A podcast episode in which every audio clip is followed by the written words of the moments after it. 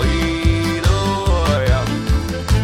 Alūksnes, liepājas, ezers un jūgla lidojam.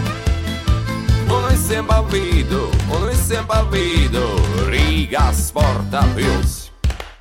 Rīgas sporta pilsēta celtniecība ilga divus gadus. Sākot no 1968. gada, pilsētas galvenais arhitekts bija Oļģerts Krauklis. Vīrs, kurš projektējis arī bijušo proletāriešu rajona ēku Rīgā Brīvības ielā 266. Tur šobrīd atrodas Rīgas vidzemes priekšpilsētas izpildu direkcija.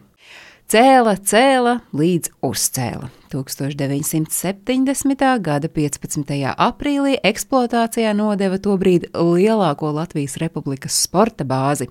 Tā kļuva par nozīmīgu hokeja attīstības pamatu, jo tajā PSRS hokeja čempionāta ietvaros spēles aizvadīja Rīgas Dienāmo komanda. Rīgas sporta pils bija sporta hali, kas atradās Rīgā, Krišjāņa barona ielā 75, un to apskāva četras spēcīgas ielas - Krišjāņa barona, Lielgabalu, Tērbatas un artilērijas. Lai arī sporta pils pamatvērtība bija ledus halle ar mākslīgo ledus klājumu, Ēkā bija arī sporta zāle, fiziskās sagatavošanas un trenažieru zāle. Protams, arī virkne palīgtelpu, duša, pirts, ārstnieciskie masāžu kabineti. Arēna varēja uzņemt 4,5 tūkstošu skatītāju, bet, ja sasumēja stāvvietas un vēl papildu vietas, tad arēnā varēja satilpt jau 5,5 tūkstoši sporta vērotāju.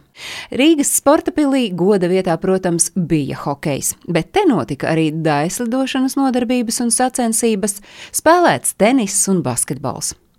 Zinātājs stāsta, ka visgarākās rindas pēc biļetēm bijušas tieši uz daislidošanas sacensībām. Protams, ka savos ziedu laikos sporta pils bijusi izcilu hokeistu kalve, un ledus laukums bijusi skatuve arī daļai hokeja pasaules elites. Hokeja līdzjutēji noteikti atceras Helmuta Baldera meistars tiķus uz Rīgas sporta pils ledus. Rīgas sporta pilī notikušas zelta spēles tā 2004. gadā Rīga 2000 godam aizvadīja hokeja spēli ar pasaules zvaigžņu komandu, kurā Rīdzinieki atzina gan NHL spēlētāju pārākumu 2 pret 4. Bet 2005. gada Turīnas Olimpisko spēļu kvalifikācijas turnīra nu jau leģendārā spēle starp Latvijas un Baltkrievijas izlasēm daudziem palikusi spilgtā atmiņā. Pagājušā gadsimta 90. gadu sākumā gan Rīgas sporta pilsgaitiņos sākās dažādu preču tirdzniecība.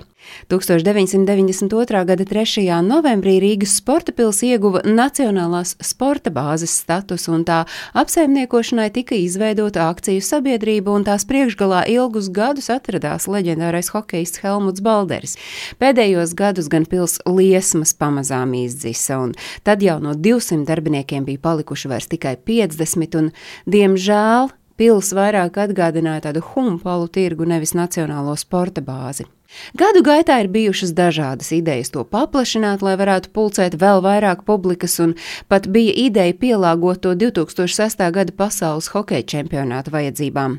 Taču neviena no šīm idejām neīstenojās. Sporta pils ēra noslēdzās 2007. gada maijā, tad to slēdza, bet vēl pēc gada sporta pili vienkārši nojauca.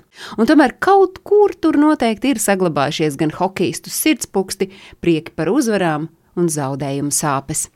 Ilgus gadus vietu, kur savulaik slēdzās sporta pilsēta apjoza bēdīga paskata žoks, bija arī kādu brīdi idejas, ka te varētu būvēt veikalus, dzīvokļus un pat septiņu stāvu biroju ēku. Taču 2020. gads atnāca ar ziņām, ka bijušās sporta pilsētas kvartāls varētu atdzimt ar mazdārziņiem un ziedu pļavu. Tiesa uz laiku. Iniciatīvas Sporta pilsēta dārza veidotāji norāda, ka kopienas dārziņi ir unikāls brīvā laika pavadīšanas veids, kas piedāvā drošu, sociāli iekļaujošu vidi un veicina pilsētas iedzīvotāju labklājību, pievēršoties veselīgākiem atpūtas veidiem.